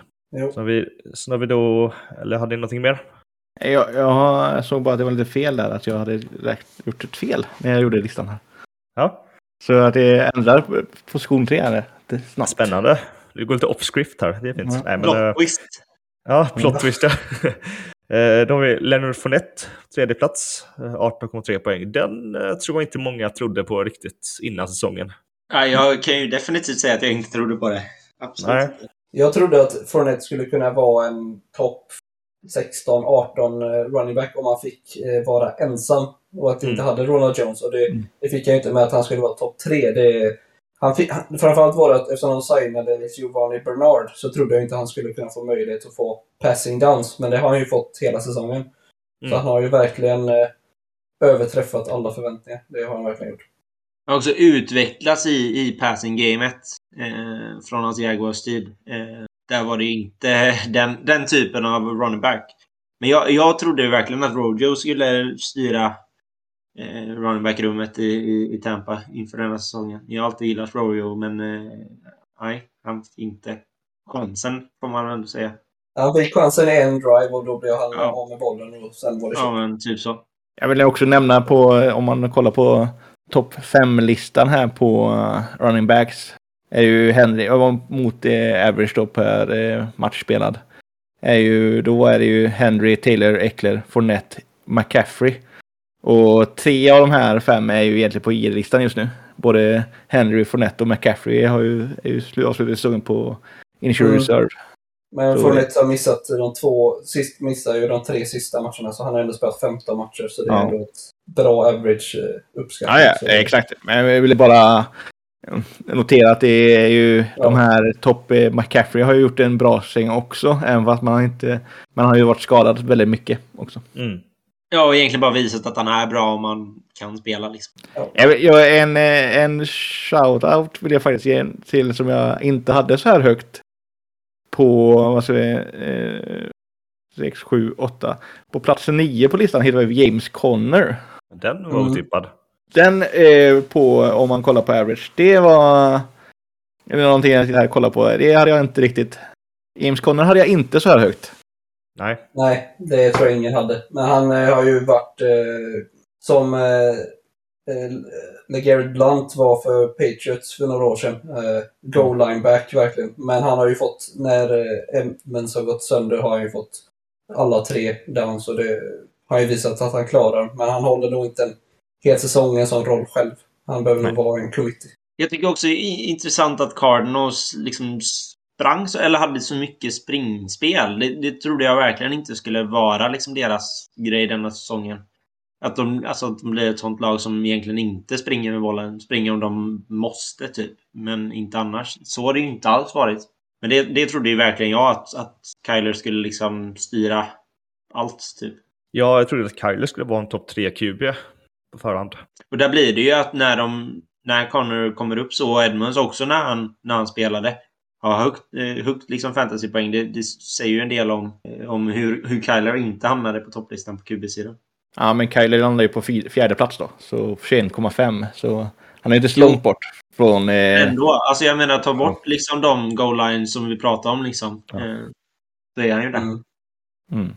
Ja, wide receivers. Här har vi då lite godis. Då har vi ju Cooper Cup på 25,9 poäng i snitt. Och, eh, ja, han slog väl eh, rekord för antal fantasypoäng för en wide receiver, va? Ja, han slog också bästa eh, QB och running back. Med mycket också. Ja, han är ju Ja. garanterat eh, MVP och en fantasy MVP i år. Utan Ja, men alltså totalt också någonsin så är väl den receiver som haft flest fantasypoäng på en Mm. säsong. Också fruktansvärt liksom, stabil eh, genom hela Ja. säsongen. Ligger på typ ja, högsta nivå hela tiden. Ja, och vi snackar ju tidigt på säsongen, eller innan säsongen till och med, om man ska drafta Cup eller Woods. Och jag tror jag kanske var en av de som var på Woods sida. Jag var också på Woods. Alla var på Woods sida. alla var på vår sida. ja, den, eh, den hatten får vi äta upp allihopa. Ja. Mm. Ja. Ja, eh, det var inte Adams 21,5. Ja, inte så överraskande tycker jag inte. Han har väl haft en ganska jämn produktion de senaste åren, tänker jag. ja, lite typiskt. Det var inte Adams. Det var, det var, vi är väl enda VR'n i, i Rogers behöver. Och vad behöver man göra mer då? Ja, exakt. Lite så. Jag älskar hans eh, intervju när de frågade honom "Men vad gör du när du är när du har triple coverage. Eh, Det var inte Adams. Och då svarar han ja då springer jag i cirklar så att eh, någon annan wide receiver kan få, kan få bli fri för eh, Aaron när han har så bra, han kan se det så bra så då passar han till någon annan som gör touchdown. Ja. Hade du frågat Rogers den frågan så hade han sagt att han kastar den i triple coverage. Ja, jo, sant. jag, tror- jag tror inte det spelar någon roll att Adams springer i cirklar och kastar den dit ändå. Sätter den mellan de tre och så går de vidare med livet. ja, man lämnar ju mycket liksom, öppet om man triple coverar någon. Liksom. Jo, men kollar du på en Packers-match så spelar det liksom ingen roll. Det är han som får Nej. bollen ändå. Ja. Jo. Sen då på tredje plats har vi Debo Samuel på 21,2. Och han började ju säsongen som en um, ja, utmärkt wide receiver, men gick sedan över mer som en running back. Eh, Så att, eh, ja, men han är ändå listad som en wide receiver och eh, det är han ju egentligen. Precis som med Cordell Patter- Patterson så fick han ju en hel del fantasypoäng bara för att han sprang med bollen också. Ja, och mycket av det är ju liksom running back-bekymret som var i Niners den här säsongen. Eh, Ja, har ju liksom- skadorna slog till. Exakt. De hade ju så himla mycket running backs. Och sen så hände ingenting eh, med något. Liksom alla bara skadade sig typ. Så mycket av det beror ju på... Eller mycket av, av Samuels liksom springspel beror ju på att de inte hade så mycket annat. Mm. Sen, är han, sen är han ju, hans kroppsbyggnad är ju nästan som en running back. Så han, eh, funkar fun- av den anledningen funkar han också rätt bra som running back. Det är inte som eh, Cordell Patterson, han är inte direkt byggd som en running back, men ja. Mm. Jag vill bara kan jag lägga in lite bara det här att det var ju på plats fyra och fem så är det ju LSU, eh, Justin Jefferson och Jamar Chase som ligger där. Men det är... Så LSU hade ju grymt år där när de vann med Burrows med både topp QB och VR. I både Justin Jefferson och Chase. Vill jag vill lägga till det bara i... Ja, det var i- inte så konstigt att de vann. Om man Nej. kollar på den. Och. Clyde Edwards Hilaire på running back också. Ja. mm. Ja, verkligen. Yes. tight ends så har vi då ett namn som är lite överraskande för många och det är ju Mark Andrews som eh, är den bästa tight enden den här säsongen på 17,7 poäng. Och där är det lite intressant tycker jag att, att inför säsongen så pratar man Kelsey, Kittel, eh, Waller. Eh, och det är egentligen en av dem som är med på topp tre-listan här. Ja, Så att, eh, ja, men sen är ju Andrews var väl en fyra femma för de flesta också. Så att, Ja, Sen, sen är det väl med, både med Waller och med Kittel har det ju varit skador som har legat bakom lite grann också då. Men eh, jag är inte direkt förvånad att Mark Andrews är i topp tre, men jag är väldigt förvånad att han är etta. Så, så kan man väl säga att han skulle vara topp tre hade inte, förvånade mig inte jättemycket, men att han skulle vara etta, det förvånar mig. Sen har ju Mm. Kelsey haft en liten berg och dalbana till säsong också. Ja, det är väldigt sant. ja Det är ju en del han, av det också såklart. han togs ändå in på andra platsen med 16,4 poäng. Så det är inte så dåligt ändå. Nej. Men det är väl ett Chiefs som... eh, Ja, de har ju visserligen avslutat starkt nu, men de har också varit lite svajiga under mitten av säsongen. Början framför allt. Mm. Sen då, tredjeplatsen har vi Gronkowski på 14,3 poäng. Eh, ja, jag vet inte. Det, hade man förväntat sig det här? Ja, han är ju lite på gränsen på, jag vet inte hur många matcher han missade. Ja, Den är Jag vet lite där, men ja, ja. Eh, Jag hade ju absolut inte, jag trodde inte alls på Gronk. Så att jag kan inte säga någonting om det där. Det- Jag tror han skulle kunna vara en eh, alltså, topp 8, topp 10 tight end med att han är red zone target. Men att han skulle ta sin topp 3, det tror inte jag heller nej, och om vi nu ska ha en parentes där så kan vi också slänga in Dalton Schultz. Som eh, inte var långt ifrån heller. Eh, om man nu tycker att Gronk spelar lite för lite. Mm, exakt. Men jag, jag, jag sitter och kollar här på hela listan här samtidigt också. Om man, eh, om man bara kollar på totalt antal poäng så är det ju eh, Andrews, Kells, eh, Schultz, Kittel, Zach Ertz trillar in där och sen kommer Pitts före Gronkowski också. Mm. Så det är ju mm, både... Det var en väldigt spännande tight end näst, tight end draft nästa år skulle nog säga. För det, vad kommer hända med Earth och hur kommer Pitts gå upp på nummer ett-listan? Det är ju det, sådana tight end-frågor jag sitter och tänker på redan nu. Mm. Sen eh, finns det ju en hel del annat också att tänka på, men eh, det är väl de man lägger märke till när jag tittar på hela listan. Det har varit ett väldigt starkt år för tight ends överlag tycker jag. Som Dawson Knox har varit grym också exempelvis. Och det är många sådana medelnamn tänker jag som ändå har seglat upp ganska högt. Ja, jag tycker också att det har varit väldigt eh, volatilt på tight end-positionen. Men de är ju väldigt eh, eh, touchdown-beroende också. Mm, exakt. Ja, då kollar vi lite på defense. Då har vi då Dallas Cowboys som eh, har snittat högst poäng i år på 9,6. Det är väl eh, svårt att inte vinna den med alla de miljoner interceptions som eh, Diggs har gjort och alla sacks som Parsons har gjort. Mm. Ja, Parsons framförallt tycker jag gillar jag jävligt mycket. Alltså, eh, tycker han har varit fantastisk. Alltså, Eh, Jo, exakt. För kollar man på Diggs, visst det är bra fantasypoäng, men kollar man på hur många yards han också har släppt i coverage så är han eh, något av James Winston på cornerback. Ja, jag såg den också. Jag skrattade högt när jag Ja, såg så att han är egentligen inte alls bra. i- Jag vet inte riktigt hur man ska värdera de sakerna mot varandra. Alltså, En- det, det, En är bra turnover, är, ju- egentligen. en turnover är ju väldigt eh, positiv om, Mm, om, om ja. cowboys eh, inte turnover så mycket över tillbaka så är det ju positivt egentligen ska jag säga. Jo, Man- men för- alltså, vad väger tyngst med det och har några turnovers eller att släppa hur många yards som helst? Jag vet inte riktigt. På något Många- sätt tycker jag att det går liksom lite plus minus noll på något vis. Jag skulle säga att han, jag tycker det gör att han försvinner från diskussionen att vara den bästa cornern i ligan. Ja, Om jag säger Ja. så. Eh, Han har fortfarande varit riktigt jävla bra och det är svårt att argumentera emot när du har eh, tvåsiffriga interceptions liksom. Men, men jag, jag tycker inte det går att argumentera för att han är bästa corner i ligan. Men fantasyvärdet är ju fortfarande där så det försvinner liksom mm. Han, så han, mycket han i är alla fall. Lite...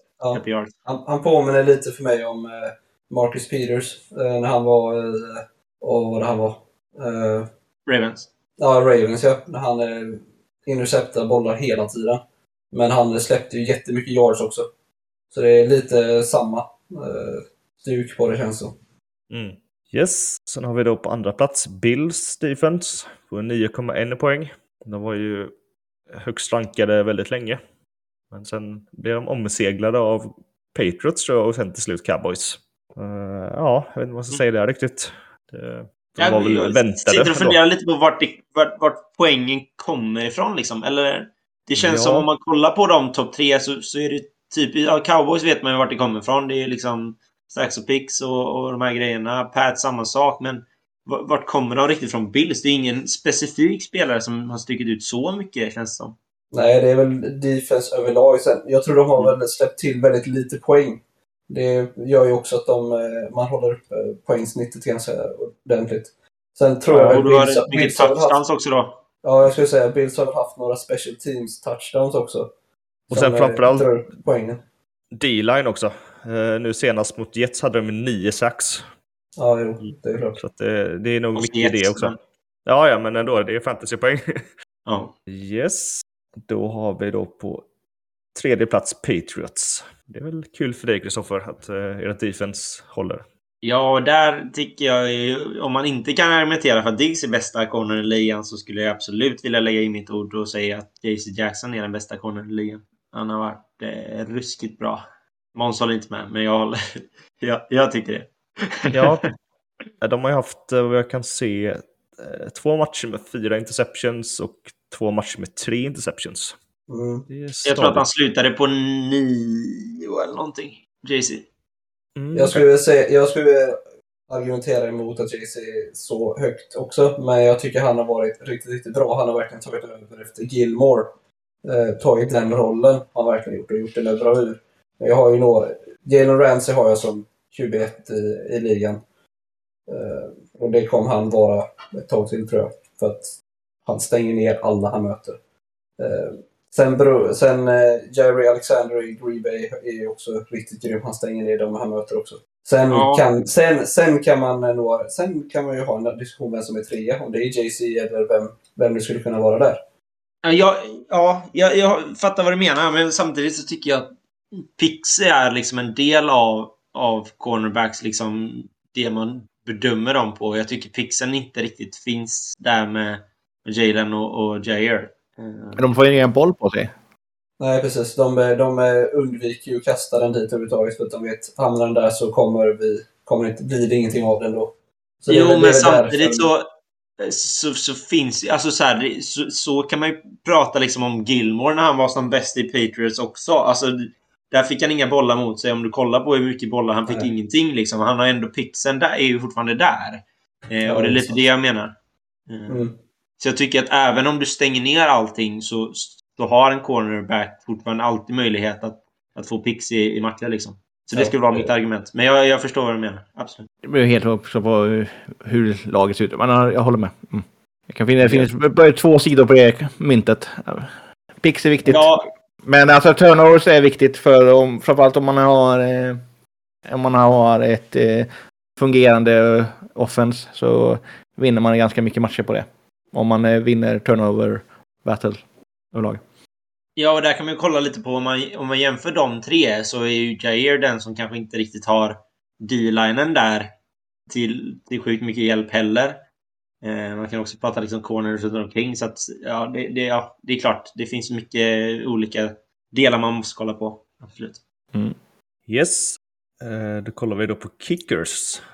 Och här var det då ett race in i slutändan kan man säga.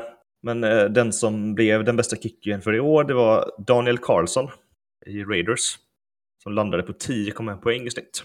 Slutade rätt så fint där också för Ja, Raiders fans. Ja, Kanske lite tufft för dig att höra Linus, men det slutade ju med lite poäng där också. Ja, han gjorde väl typ 21 poäng i någonting också i, om man ska prata fantasy. Och jag tror att det gjorde att han seglade om Nick Folk som eh, har legat etta väldigt länge. Och han då hade ju 9,9 så det skiljer 0,2 poäng mellan dem. Ja, Det är, det är väl en, eh, hur säger jag att det, är en field goal som skiljer för det är totalpoängen är 171 mot 168. Ja, Mm. ja det är den sista då. det är den sista. Det är den sista. Fy fan. Ja, Annars hade det varit lika då. Eh, Men Ja. eh, det var en bra sista match som gjorde mycket. ja, oh ja. Eh, japp, och sen tredje plats har vi då Justin Tucker på 9,5. Och han var väntad på den här listan. Ja, vilken legend. Ja, Jag ville bara, en sak jag vill nämna här. är vad tror ni, på det, det är ett en liten eh, gissningslek här. Vad tror ni att eh, Dustin Hopkins i alltså, alltså Chargers är? De eh, känns som det laget som går mest för två. Och Oj. Det, det, är han med på topp 10? Eller är han under topp 10 i alla Han- kickers? Under. Han började, jag skulle säga topp 10. Han började ju säsongen eller jag menar alltså han är lägre än i- 10. Typ 12 kanske gissar jag på. Jag skulle tippa på 9. Jag tror att han är typ 15. Han är på exakt på 10. nämligen. Eh, Men eh, han är precis som Tyler Bass och Harrison Butker. Men eh, eh, jag känner att det är just eh, Chargers det känns ju som det laget som mest är analysdelen på den frågan. Det känns som att Hopkins får ibland aldrig kicka boll. Nej. Vissa, match, vissa matcher. Men i en del matcher får han eh, några. Men, eh, Men, men visst började han i Washington i år? Och så blev han cuttad där och hamnade Just det, det blev han ja. Ja, Ja. exakt. Så är det. Men han har ändå haft, han har ändå så, jag tror han har haft mer poäng i Chargers än vad han hade i Washington. Ja. I snitt. Jo, jo, han blev kanske kickad av en anledning. Mm. Pun intended. Han blev kickad under bye-weeken. Ja. För. Men eh, spännande. Mm. Eh, Har man då lyckats eh, med det här laget så har man då 173,1 poäng i snitt per match. Det har inte jag som medelsnitt. Nej, då ska jag ställa den här viktiga frågan. Går det här laget att drafta? Nej. Nej. Nej. Eh, ska man ens kolla på det? eller? Nej. Men du har Ta- Taylor, Eckler och Adams. Ja, bara där är det ju kört. Ja. Alltså Taylor och Eckler kan jag tänka man kan få ha. Men Adams då? Men då får Är, du är, det Adams. är Adam som är, Adams som är eh, Det, det, är det jag Adams. menar. Det spelar liksom ingen roll på hur du vänder och vrider på det. Du kommer inte... Alltså... Väntar du... Du kan inte vänta med Adams för han kommer bli tagen första wide receiver antagligen. Mm. Och exakt. du kan liksom inte vänta med en running back heller. För de två låg ju Det gick-. Gick inte Taylor i... Nej, Taylor gick i andra, tidigt tredje. Tidigt, tidigt först- andra i så fall. första, Ja, ja, första först, veckan. Slutet första, tidigt andra. Mm. Så var det inte med. Det är ungefär där. Där är lite samma med Eckler också och där är Adams på samma... Alltså det går liksom. Mm. Mm. Och för jag tänker Kapp och Debo kan man ju ändå så hänga in. Ja, ja. Ja, ja. Utan och problem. Andrews också. Och Andrews Ja. med. Ändå som Mm. är. Ja, det är ju resten av laget går ju, men du tappar ju någon av dem i så fall. Ja. Exakt, du tappar någon av de där. Ja, de här. Ja, Allen är ju med där också om du ska få in allt annat liksom också. Du kan ju räkna på... Sä, säg att du hoppar typ Eckler eller någonting så, så hade du klarat det för då får du Fournette istället. Det hade ju gått. Ja, eller att du hoppar Adams så du fick eh, Chase. Eller, Ja. eller, Jeff, eller Jeff, nej, Jefferson hade inte, men Chase hade funkat. Ja, ja men precis. Chase hade funkat. Men så Men jobbar den, vi är inte. inte, den är inte långt ifrån det egentligen. Nej, den är, den, den är, det är inte så att det är alla topp... Det finns ju en hel del, liksom, Kapp är väl den här jätte... Och Debo är ju sådana jätteskrällar. Men på... Eh, både Taylor och Eckler är ju, var ju ganska tidiga och picks liksom. Mm. Eh, yes. Ja. Ska du ta nästa del, Linus? Nej, jag tänkte lämna över ordet där faktiskt. Ja. Ska jag ta den då? Jajamän. Så som håller på så mycket med Dynasty. Passade utmärkt med rookies för mig då. Eh, då ska vi gå igenom eh, årets bästa fantasy rookies för säsongen som varit. Eh, QB eh, blir Kristoffer nog rätt glad över. Det är Mac Jones. Eh, snitt på 13,2 poäng. Ja, också ruskigt dåligt snitt egentligen.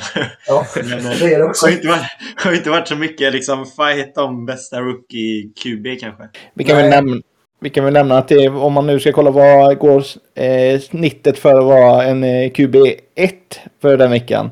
Alltså vad har, eh, så skulle det vara 18,8 poäng. Det var vad Kirk Cousin hade. Ja. Så det är en poäng under snittet där. Ja, han är högst medelmåttig Cousins. Ja, Ja. Men sen, eh, så Mac Jones etta, sen eh, lite shoutout till eh, Davis Mills. Han gjorde ändå här, något, vad är det, 12,2 något sånt i snitt. För att vara en eh, tredje runda QB som ingen snackar om. Det är jag positivt överraskad av att se den. Jag tror Texans kommer försöka bygga kring honom. För se om han är någonting att ha. Eh, Ja. Ja, running back 1 är väl ingen direkt överraskning. Det är Najee Harris. 17,7 poäng i snitt. Väldigt stabilt. Ja, han hade väl något rekord för rookies på att inte droppa någon boll på eh, flera hundra touches i rad. Ja, något sånt ja. Sen eh, kommer det bli lite konstigt i snittpoängen, men det kommer vi förklara alldeles strax. Men, eh, tvåa Jonte Williams, eh, snittpoäng 12,1. Och trea Elijah Mitchell på 15, men då har han ju missat ett antal matcher. Men vi, vi har sagt att det är på gränsen för honom också, men det gör ju att hans snitt är högre. Så jag tror att hade han spelat alla matcher så hade han varit förbi Jonte. Mm. Yes, wide receiver 1. Ingen större överraskning att det är Jamar Chase på 17,9 poäng.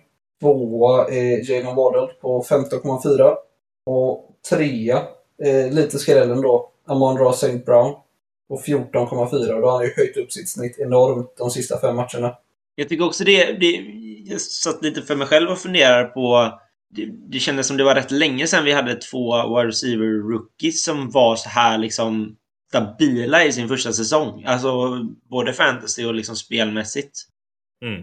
Och om man Mm. pratar om liksom, eh, alltså sådär, för att liksom skydda Waddle lite så, så de gångerna där han inte har fått bra med fantasypoäng är ju de gångerna Tua inte har spelat. Så där tror jag också det finns ett riktigt bra argument för att Waddle hade kunnat ligga ännu högre eh, om Tua hade varit frisk hela säsongen. Eh, nu, nu kommer, eh, kommer eh, något, något, nu kommer det tillbaka här. Förlåt här nu. Nu, nu, nu är jag inne och kollar här. Förra året så hade vi Justin Jefferson och eh, Brandon Ayuk. De hade 17,7 och 15,4. Ja, det är, precis, det är nästan precis samma. Ja, exakt. Så, men visst hade Ayuk hade ju några missade matcher, men eh, jag... Eh, och så återigen Justin Jefferson. Ja, för Eh. Jefferson tänkte jag på, men Ayuk tänkte jag inte på. Men det är, hur många matcher spelade han? Ja, min tanke var T. Higgins, var hamnade han? Jag ska kolla. Men till Higgins var han inte så högt när han kom in. Sen har Deontay Johnson det året också. Va? Inte helt... Nej, Deontay Johnson var ett år innan det. Ja, T. Higgins landar på 12,2. Ja, Okej, ja. Det var lite lägre än vad jag trodde. För jag, jag trodde att senaste var Juju-året, typ. Men eh, Mm. då det tänkte jag inte på Ayuk. Men jag vet inte hur mycket Nej, matcher han spelade. jag tänkte senaste året var, jag tänkte inte heller på dem, men det tänkte jag var A.J. Brown och Metcalf. Mm. Året, men Ja. de kanske inte var så stabila. De kanske bara inbildning. Ja, det är frågan om AJ var så stabil då. A.J. var ju grym efter vecka sju. Han var ju wide Ja. från vecka sju och framåt. Jo, men det är frågan vad han var innan det då. Ja, det, Ja. Nej, Jag, jag var tvungen att eh, försvara Justin Jefferson. Eh, ja men. Jefferson, eh, absolut. Det är Ayuk där som, som förstörde min tanke lite. Jag var, eh, jag var fortfarande ledsen över att han inte var... Fel Justin vann. Offensiv. Justin vann. Fel Justin vann. Yes, ja, men Tiden 1 i år. Eh, trots att många nog upplever att det har varit en fiaskosäsong. Så eh, Kyle Pitts, Tiden 1, 10,5 i snitt. Och det är ju touchdowns eh, som gör att han inte har varit sån eh, succé som många trodde. Han har ju varit väldigt duktig annars. Och tvåa är ju inte heller, om man ser på rookies, Tiden, så är man inte heller jätteförvånad att det är Pat Firemouth på 9,5. Han har gjort väldigt mycket touchdowns. Varit Bens nya lekkamrat i Red Zone. Kyle Pitts vet jag att jag pratade lite om innan, innan säsongen att jag inte riktigt trodde på honom. Däremot, inför nästa säsong så tror jag Kyle Pitts kommer ta ett ordentligt kliv upp. Och Jag tror att de kommer ge han mycket mer möjligheter att vara en, en topp 1 tight. Även om han inte blir det så tror jag att han kommer få möjligheten eh, att vara det. Mm. Jag har ju läst att det, han har ju varit eh, double-teamed. Den eh, rookie, rookien som har varit mest double-teamed av alla. Eh, och man kan på ett sätt säga det. Folk skämtar ju lite att han skulle ta över Julio Jones-rollen. Och det kan man väl säga att han har gjort eh, helt och hållet. Han gör inga touchdowns. Men han får en massa yards. Ja. Så det, men ja, nej, jag tror också det. Men jag, jag undrar om Matt Ryan blir kvar. Han ligger ju trea i yards eh, för alla tight ends i det här året. Så det, det är ju touchdownsen. Sen får man ju se om Matt Ryan blir kvar. Det har Ja. varit lite löst snack om att han kanske sitter lite löst i Falcons. Ja, men det skulle behöva vara en free agent i så fall som kommer in om, om det Ja. skulle... an- Annars kommer det ju vara tvärtom för Pitts antagligen. Ja, antagligen. Yes, men största rookie-besvikelserna vi har. Eh, Trey Sermon, det är väl eh, den alla kan eh, skriva upp. draftad i tredje rundan och inte gör ett smack. Nej. Sen har vi Bateman. Han eh, var ju skadad på den säsongen. När han kom in så han gjorde det okej, men man förväntade sig mer av. I alla fall jag gjorde det. Jag vet inte vad ni kände. Mm. Eh, alltså han var ju skadad i början av säsongen så jag hade ju hoppats att han skulle gjort mer men eh, kan ju vara att det är skadan, att han missade en hel del spela in sig liksom. Men jag vet inte. Kristoffer, hade du någon förväntning av Bateman överhuvudtaget? Nej, in, inte sen han kom tillbaka från skadan. Eh, hade jag inte... Alltså jag tycker det blir lite... Det blir lite taskigt på något sätt. Att förvänta Mm. sig för mycket av honom när han kommer tillbaka från skadan. Alltså när han inte får börja säsongen på det sättet. Nej, det kan jag väl köpa. Eh, sen eh, den största besvikelsen jag tror alla har, det är nog faktiskt hur dålig Trevor Lawrence har varit i år. Ehm, sen har vi även Tony och eh, Zach Wilson. Zach Wilson och Lawrence har samma snitt. Men Zach Wilson känns inte som en lika stor flopp som eh, Lawrence gjort i år. Eller är det, har jag, är det bara jag som upplever så? Vi, alltså, båda har väl floppat men eh, jag kan hålla med om att det Trevor Lawrence hade väl högre förväntningar på honom. Vi, vi gjorde ju lite innan avsnittet så pratade vi också lite om hur många matcher ovanför eh, QB1 eh, status har de gjort och det var väl var det två eller tre matcher totalt? Tre för- matcher på båda. Ja. Och eh, om man kollar på Mac Jones så var det väl fyra matcher så det Mm. har inte varit någon höjdar säsong för någon av eh, eh, rookie-kubisarna i år. Kan vi säga.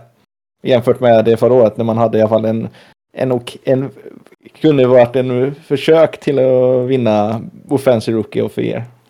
Det känns däremot som att, att Zach Wilson har gjort väldigt mycket mer rookie liksom, misstag. Eller varit, haft mycket mer rookie-matcher på något sätt. Än vad, vad Trevor Lawrence har haft, tycker jag. Det är liksom min upplevelse av, av när jag har kollat på de matcherna. Att, att Lawrence ändå känns som han, att, att han har liksom en... Någonstans att fortsätta på. Det känner jag liksom inte med Wilson. Jag, jag, jag tycker inte det. Det känns som han har... Han har liksom inte varit riktigt liksom, han har inte visat någonting som får en att tro att det kommer bli bättre nästa säsong. Det tycker jag Lawrence ändå har gjort. Ja, nej, Wilson hade väl en match med typ fyra pix eller vad det nu var, liksom, och noll TD. Så, jag vet inte riktigt om Lawrence haft sådana bottennapp riktigt. Lawrence har ju inte gjort, gjort särskilt mycket TDs överhuvudtaget. Nej, han har varit mer försiktig. Det, det, tal, ja, det talar ju emot Lawrence lite grann, men, men det är klart att om man ser det så, Peyton Manning hade väl hade han typ 28 interceptions, 12 touchdowns eller något sånt första sitt rookie-år och sen exploderade han. Mm. Men det är det jag menar. Jag tar ju hellre någon som, som inte riktigt får till touchdowns än någon som kastar idiotpicks liksom. Ja, Så att, ja. Sen vill jag också nämna att men en Tooney här tycker jag, den känns lite taskig i mina ögon. Eh, för jag, jag tycker inte att han har fantasymässigt varit så dålig med tanke på att han har missat så fruktansvärt mycket matcher. Ja jag tyckte det också, men Linus visar att han har faktiskt spelat 11 matcher.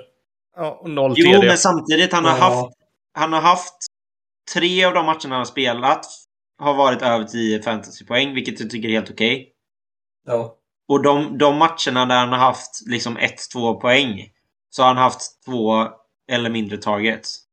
ja. ja men alltså när, när han har spelat så har han gjort det bra. Det är med så här, för en första runda hade man väl hoppats på lite mer, men eh, Giants i sig har ju varit värdelösa. Mm. Och sen har han ju blivit skadad. Så det, det är ju samma med, det är ju samma med alltså Sermon, Bateman och Tooney, alla de. Där är det ju, där är det ju skador som påverkar på ett eller annat sätt. Det kan man ju inte sticka under stolen med. Nej. Eh, Medan Trevor Lawrence och Zach Wilson är det ju mer prestationer på planen över säsongen. Det är väl mer att man var besviken. För, men Sermon var det väl också att det var liksom snack från början att nej men Elijah Mitchell är bättre. Och, Mm. och det var man ju lite överraskad över. Men Mitchell har ju visat att han är bättre. Men det tycker jag inte känns... Det, det tycker jag inte finns riktigt där med, med Tony. Det, det var det jag ville nämna. Yes, då går vi vidare. Yes. Eh, Ja. Och jag, ja, jag släpper över till dig Linus. Det är jag som är för snabb. Ja, eh, då ska vi då kolla på vilka som har varit bäst i våra ligor, både vecka 17 och 18. Kan vi då börja med vecka 17, där eh, Bishop Saints, eh, Eddie Lander, shoutout, eh, lyckades få upp 188,9 poäng. Det är ju väldigt, väldigt mycket. Och då tänker man ju, vad, vad hände här egentligen? Och då hände såklart Jamar Chase match på 55,6 poäng. Han var över medel för, och det var bästa lagelsmedel där. Det är ju skönt. Ja. Nu är det Adams på 30 också. Mm.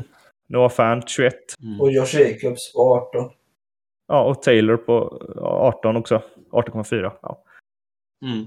ja, grattis Eddie. Eh, och då eh, vecka 18.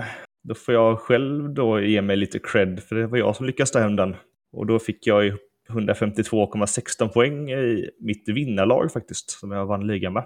Eh, och vad hände här undrar jag? Då hände ju såklart Cup hände, Pe- Penny hände, Debo Samuel hände, St. Brown hände.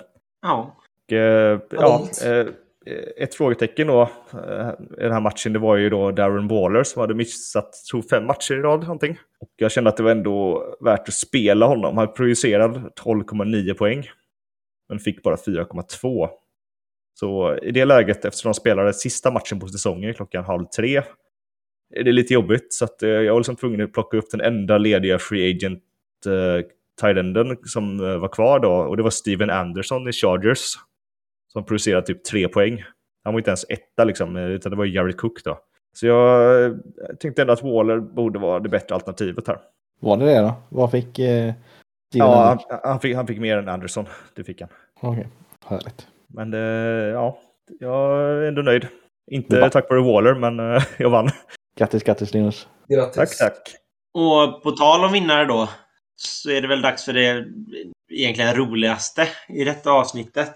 Eh, som i alla fall jag har sett fram emot att få, få för det första tack alla som har varit med i våra ligor.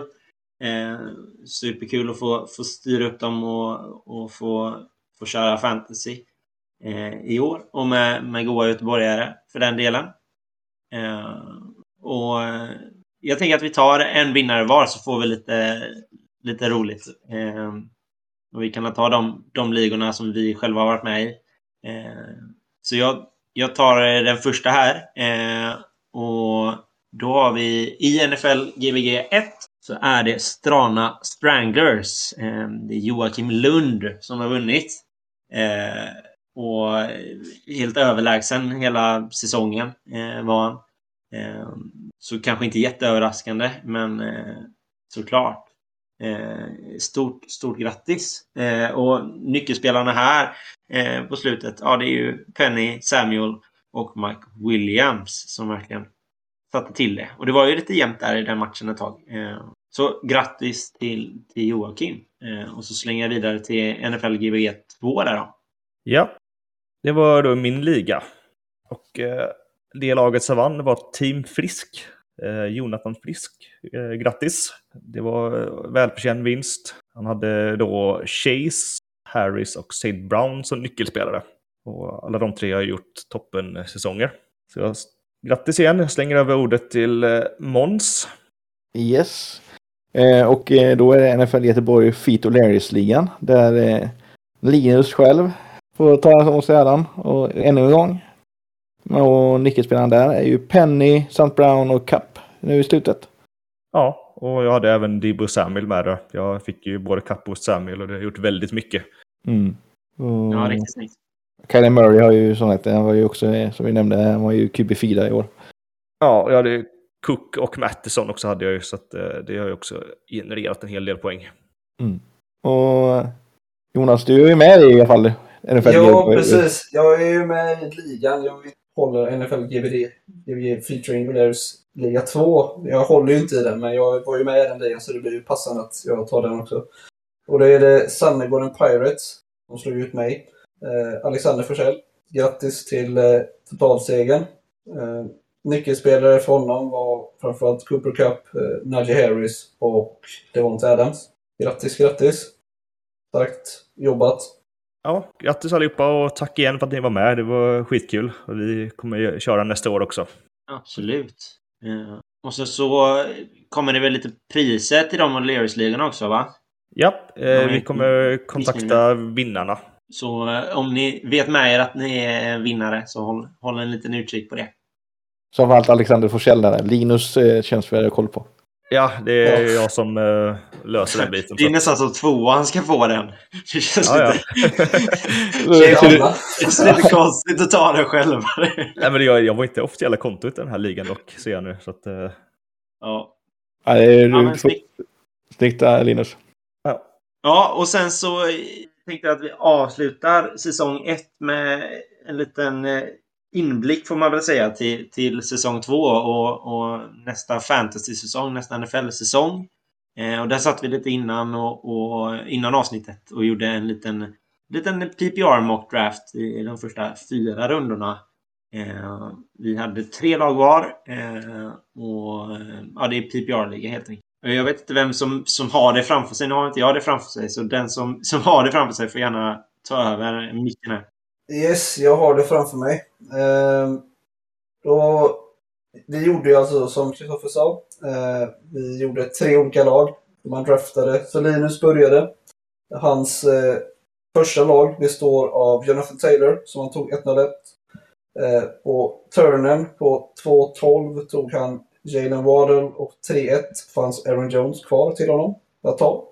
Och på 4-12 turnen där tog han Amandra St. Brown. Sen Kristoffer hade pick 1-2. Tog Derrick Henry.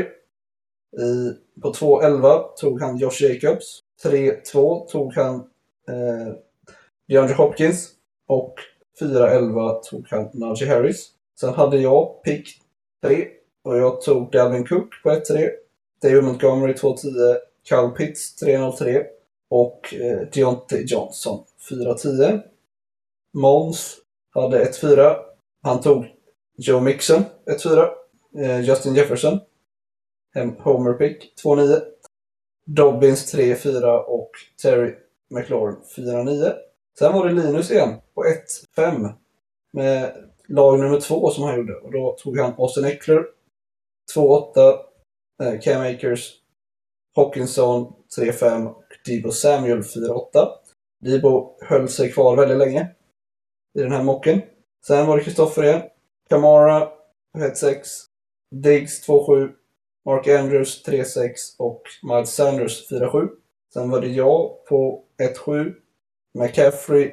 Sen Hill 2-6. Gibson 3-7 och Waller 4-6. Och så Måns andra lag. Adams. Det var inte Adams då. 1-8. Seek 2-5. Edward Sedair 3-8 och Michael Carter 4-5. Sen var det Linus tredje lag där han började med Najee Harris. Sen tog han Jamar Chase. Sen Elijah Mitchell 3-9 och Elijah Moore 4-4. Så bara rookies från i år i det laget. Kristoffers eh, tredje lag var Saquon Barkley på 1-10. Chubb på 2-3. A.J. Brown på 3-10 och George Kittle på 4-3. Mitt tredje lag var Javonte Williams på 1-11. Travis Kelce 2-2. Keenan Allen 3-11 och DK Metcalf 4-2. Och Mons sista lag. Swift 2-12, Cooper Cup 2-01, CD Lamb 3-12 och Travis Etienne 4-1. Och då ställer jag frågan till er. Vilket av era draftade lag hade ni velat fortsätta drafta?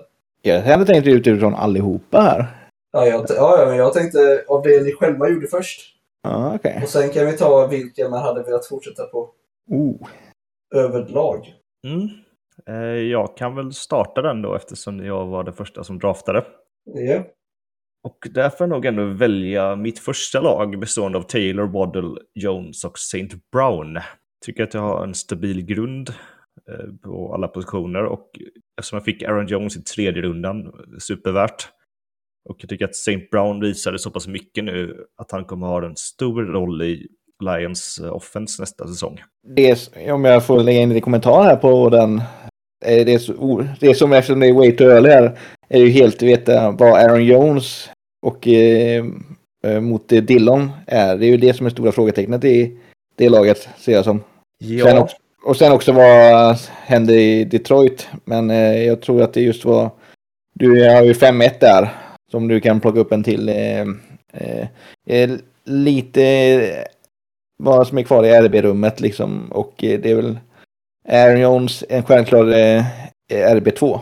Mm. Det är väl där jag har eh, enda frågetecknet på. Men jag kan väl hålla med att det är absolut spännande med de eh, wide receiverna och Ta- Taylor. Eh, känns ju jättespännande. Kristoffer? Ja, jag, jag håller kvar på den där första laget också. Eh, jag tycker den är intressant. Eh, det är Derrick Henry som är som hade varit den bästa spelaren denna säsongen om han inte hade skadat sig. Eh, jag tycker att om man kollar på många av de running backsen som, som ska vara liksom de bästa inför säsongen så är det väldigt, väldigt många som är väldigt skadedrabbade och har varit väldigt skadedrabbade. Så om man tänker att alla liksom har den risken på samma nivå ungefär, då är Derrick Henry för mig den, den bästa av dem. Eh, så som säsongen såg ut och så som det känns just nu. Eh, och sen Josh Jacobs. Jag, jag tror att, att den här situationen med Drake inte kommer riktigt vara och det kändes som det ju längre säsongen gick, desto längre kom de ifrån det där att Drake skulle vara RB2, att de verkligen skulle turas om. Eh, och jag tror att den trenden kommer fortsätta sig och Josh Jacobs kommer få mer chanser. Eh, så jag gillar verkligen Jacobs fortfarande. Jag, jag, vet att jag gjorde det inför denna säsongen, men jag, jag är ändå rätt så nöjd med det picket ändå. Jag tycker Jacobs gick väldigt sent och det var, det var ett value pick ändå, så som säsongen blev. Sen har jag Hopkins där på tredje. Eh, det är väl den som jag är lite sådär eh, osäker på i denna. Eh, men ja, det är svårt att argumentera emot, argumentera emot Hopkins. Sen har jag då Damien, Damien Harris på sista och eh, jag går emot liksom eh, kanske den största fantasy-regeln att man tar Patriots running backs men eh, jag tycker han har talat för, för sig själv den här säsongen. Jag tycker inte det är så mycket att behöva argumentera för där egentligen. Det var länge sedan vi hade en running back i Patriots som verkligen var så typiskt den man ville skulle ha bollen liksom. Eh, vi kan prata om, ja, Garrett Blunt som var bra en säsong och sådär men det var inte riktigt samma sak eh, och, och därför tror jag på Harris. Ja, och då... Jag hade ju tredje picket. Det är ju tråkigt att säga men jag hade nog också valt eh, första laget. Även om jag gillar mitt eh, andra lag med McCaffrey. Jag tyckte det var det är ju dock bara att det är ganska mycket skador som är, gör att det är väldigt mycket frågetecken i det laget. Eh, det tycker jag inte är mitt första lag. Det var Cook och Montgomery. Två riktigt stabila running backs. Eh, stora frågetecknet där blir, är ju Deontay Johnson som wide receiver 1 med Big Ben borta. Eh, vem är QB'n? Eh, Lite samma som man ska tänka kring Aaron Jones med Dillon. Liksom hur mycket boll kommer Jonte Johnson verkligen få? Eh, men ja, Pitts tycker jag, ta Pitts som Thailand 2. Jag tror till nästa år kommer det vara ett value pick. Men ja, det är jag väl tycker, det. Jag tycker argumentet om att McCaffrey, alltså så här skadedrabbad, så tycker jag ändå att Cook har ju varit väldigt skadedrabbad denna säsongen. Hur, hur, hur känner du att de två skiljer sig från varandra? Ja, där är det väl att Cook det, i, i, en sån här draft så jag hade alltid eh, draftat Mattisson Mattison senare för att eh, säkra upp. Uh, McCaffrey, han har haft så många olika skador. Uh, Cook har ju haft samma typ av skada så man kan ju nästan räkna med att ja, men två matcher då är han borta ungefär. Uh, det kan man nästan räkna med. Medan McCaffrey är det så många olika typer av skador som gör att man är lite osäker. Och men sen, samtidigt får man ju också komma ihåg att Cook byter coach. Eh, det gör inte McCaffrey. Det är ju sådana saker man får hålla i åtanke också till nästa år. Var hamnar alla nya coacher och hur blir deras system? Kommer de anpassa sig efter eh, spelarna på olika sätt? Så. Men, ja. Jag tycker också det blir, det blir också intressant med handcuffen i Mattisson som, som ändå har haft en liten bättre säsong och är kanske inte riktigt bara varit en sån här, ja, Cook är skadad. Nu är det dags i och med att Cook har varit skadad så pass mycket den här säsongen. Mm. Där kanske det också blir lite varningsklockor som ringer. Men jag, jag köper verkligen argumentet av att av att handcuffen som man får i Matheson liksom räddar upp den situationen. Mm. Det jag vill säga också är ju äh, McCaffrey helt enkelt. Det var ju snack om att eh, de har lyssnat på trade offers. Så vart hamnar han om han nu inte stannar kvar? Det är också mm en sak man måste ta med i beräkningen. Absolut. Ja, Måns... McCaffrey kommer ju vara grym, grym oavsett vad. Eh, jag har... Eh, det är lite svårare här. Jag sitter och väljer mina, mellan mitt eh, första lag och mitt tredje lag här. Eh, jag tycker båda är lite intressanta. Det beror, och, eh, om det varit närmare säsong så hade det varit, eh, hade man väldigt mycket klarhet. För då vet man om Dobbins eller Etienne är den som gäller mycket mer. För jag tycker Och då har vi alltså då antingen Joe Mixon, Justin Jefferson, Dobbins, McLaurin eller Swift, Cup, Lamb eller Etienne. Eh, och eh, om ett... Eh, jag, kan, eh, jag kan se eh, spännande värde i båda de här vid eh, lagen. Framförallt tycker jag väl att eh, Swift eh, känns eh, jättespännande att ha där och även ha Cup med igen. Om det Rams fortsätter som det är och Woods kanske går tillbaka och får lite, för alla kommer väl ha koll på Cup framöver, men sen har jag även CD Lamb. Men jag väljer nog faktiskt min lag 12 just nu. Om jag måste gå vidare med någon. Där gillar jag också bättre. Mm. Jag tycker den- den är jätteintressant med både, både Cup Cup och CD Lamb. Eh, Mm. Och jag tycker, alltså det är det som gör det för mig. För Swift och, och, och Mixon, alltså det, där kanske det inte i mina ögon skiljer jätte, jättemycket. Eh, och då är det lite Etienne eller, eller Dobbins. Då, eh, där är väl också rätt så samma som du var inne på. Situationerna är rätt så lika varandra. Eh, och då tar jag hellre eh, Cup och, och, och CD än, än Jefferson och, och McLaurin. Det är så jag argumenterat för det. Så jag, jag håller med dig där. Ja. Två bra lag tycker jag ändå att du lyckas drafta. Verkligen. Är, Ja. Ja. Jag, jag är ju för, jag gillar ju att ta mycket running backs i början, så jag gillar ju ditt andra lag. Men eh, att gå vidare hade jag nog också gjort med tolvan. Eh, Ja, alltså Elliot, Edwards och Carter är ju jättespännande också. Det är... Och sen har man Devonta Adams som en topp eh, VR där. Om eh, eh, eh, Rodgers är kvar. Så är det ju, eller, oavsett vad det är, Adams kommer ju vara grym oavsett vad, men det är... Eh, jag tycker det är spännande. Eh, eh, just det, det är för, jag gillar mina VR VR-rummet när jag minns rätt så var det väl att det inte det finns, det bör vara lite ja, T. Higgins har man ju kvar. Men han kommer ju gå ganska snabbt här efteråt, misstänker jag. Och Ayuk, ja, det är- kanske lite svårt att veta hur- vad som finns kvar framöver, men eh, det är framförallt tight ends i alla mina lag som jag känner att det är väl där problemet ligger. Men eh, det finns väl en Irv Smith om man ska vara lite homer. ja, eller Pat Firemouth eller något sånt. Ja, men... Eh, Dawson Knox. Eh, Det vill säga att jag kan väl nästan redan nu säga att Jonathan Taylor är, är given 1,1.1 nästa år. Det tror jag också. Eh, sen eh, vet tusan om det är vem som 1,02. Där känns det inte. Det är väl en fight där mellan Henry, Eckler, Cook, Harris egentligen. Men eh, eh, det något annat ni tänkte på när jag ser här? Är det, är det självklart Adams är VR1? Kanske inte. Jag skulle säga att om Rogers är kvar eh, så är han det. Ja, det kan jag väl tro. Och, Det, eh, det skulle jag vilja säga. Jag, jag har lite svårt att, att höra på argument som säger att man ska ta Cup, eh, Cooper Cup före Adams. ja, Alltså- det, är- Ja. det finns väl andra. Jag tänker att det, det, man kan nog absolut tänka sig att det finns mer spännande i liksom både Chase och Waddle. Waddle med det.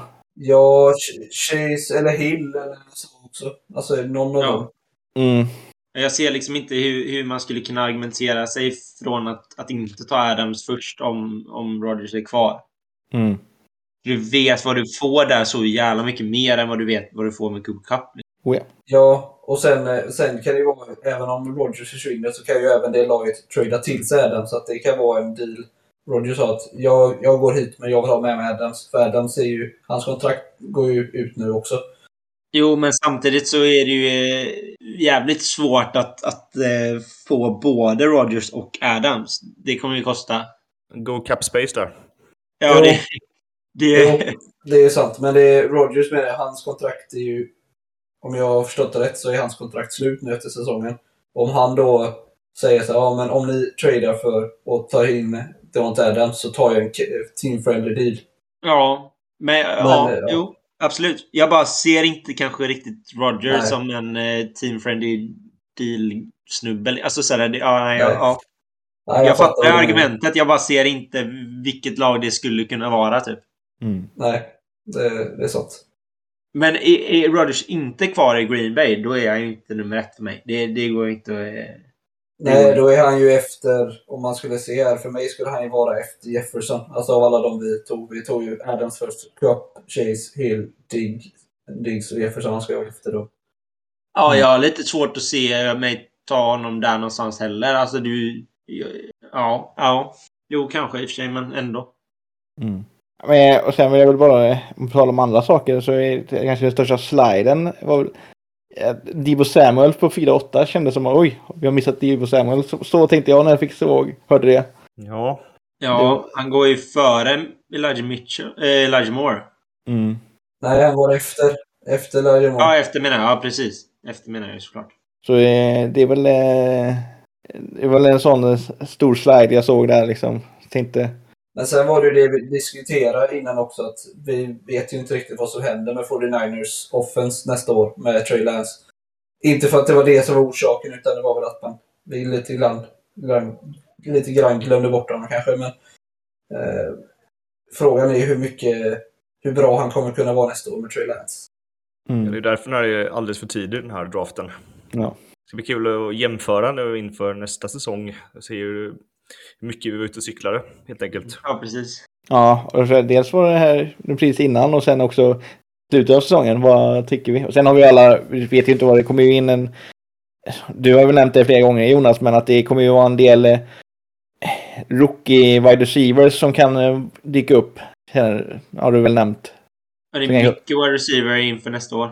Ja, det är, det är väldigt top-heavy wide receiver, men även lite, en del bra running backs. Så det kommer komma in lite grann. Mm. De är, men running backsen dyker väl upp kanske först nu i runda fem eller? Jag tror det kommer komma ännu tidigare. Jag tror någon kommer kunna gå runda, sluta runda två, börja runda tre faktiskt. Eh, Breeze Hall och eh, Spiller, beroende på var de hamnar. Sp- Alltså snackar vi Breeze- fantasy eller själva draften? Nej, nu, nu tänker jag... eh, Det, jag tänker här i en vanlig PPR-draft. Jaha, du tänkte så ja. Mm, Mm. ja. Ja, då är det det. I tormarna också. Mm. Beror ju Ja. lite på var de hamnar, men absolut. Ja. Ja, precis. Breeze Hall i Bills till exempel. Tror jag skulle Ja. kunna vara en eh, ja, slutrunda två, börja runda tre spelare Mm. utan Mm. eh, större problem. Även, i, även i Eagles eller? Eagles har ju miljoner picks i första rundan. Ja, De har ju tre stycken, så de borde ju kunna plocka någon. Bli av med det. Det är inte lika roligt. Nej, det är inte lika roligt, men, eh, men eh, de behöver ju lämna kommittén där. i Eagles. Om man är... Ja, men om det är Bill så är det absolut värde. Ja, men spännande hörni. Eh, då får vi väl egentligen säga så för denna säsongen. Eh, och tipsa alla er lyssnare på att hänga med oss när vi kommer tillbaka. Det kommer väl att vara lite off-season eh, grejer som höjer ögonbrynen på oss, som får oss att spela in något, något, lite, något litet avsnitt där. Eh, och sen såklart inför draften eh, så, så kommer det ju vara oerhört mycket material vi har att köta om. Eh, så jag ska också passa på att- nämna alla, alla ställen ni kan hitta oss på. Det är ju Facebook, Instagram, Discord eh, och så Patreon. Så jag tror inte att jag missar någon. Jag brukar kolla med Linus. Du, jag vill nämna också att vi har ju en NFL Playoff Challenge som man kan spela med oss också. Mm. Det hade jag helt glömt av. Det har du helt rätt i. Den ligger ute på Facebook-sidan, i Facebookgruppen. Mm. Och den ligger även under det här avsnittsbeskrivningen. Ja, Mm. precis. Vi kommer väl även eh, köra lite Dynasty i tanken också nästa säsong. Om man är sugen Är på det. Redan nu under off-season eller no scoring season kan man väl köra lite Dynasty. Ja, exakt. Och, det är vi, vi, och jag tror väl att i alla fall Jonas vi kan prata en hel del och du har ju en eh, nummer 101 pick i en rookie draft i Dynasty i år, eh, Linus. Så du kommer Ja. ju också prata en hel del. Eh, måste scouta lite rookies här framöver så kanske kan nämna ha en liten rookie eh, fantasy-hörna i Dynasty. Ja, absolut. Ja, men vi kommer ändå göra en hel del saker nu under no scoring season. Så att det, det kommer inte vara helt dött fram till eh, sommaren, utan det kommer komma lite avsnitt då och då i tanken. När vi hittar någonting att snacka om. Ja, men precis. Ja. Så håll ögonen öppna och så, så syns vi nästa år tänkte jag säga. Men nästa, nästa säsong. Ha det gött så länge. Ha det gott! Ha det Ja, gött! det- Hej!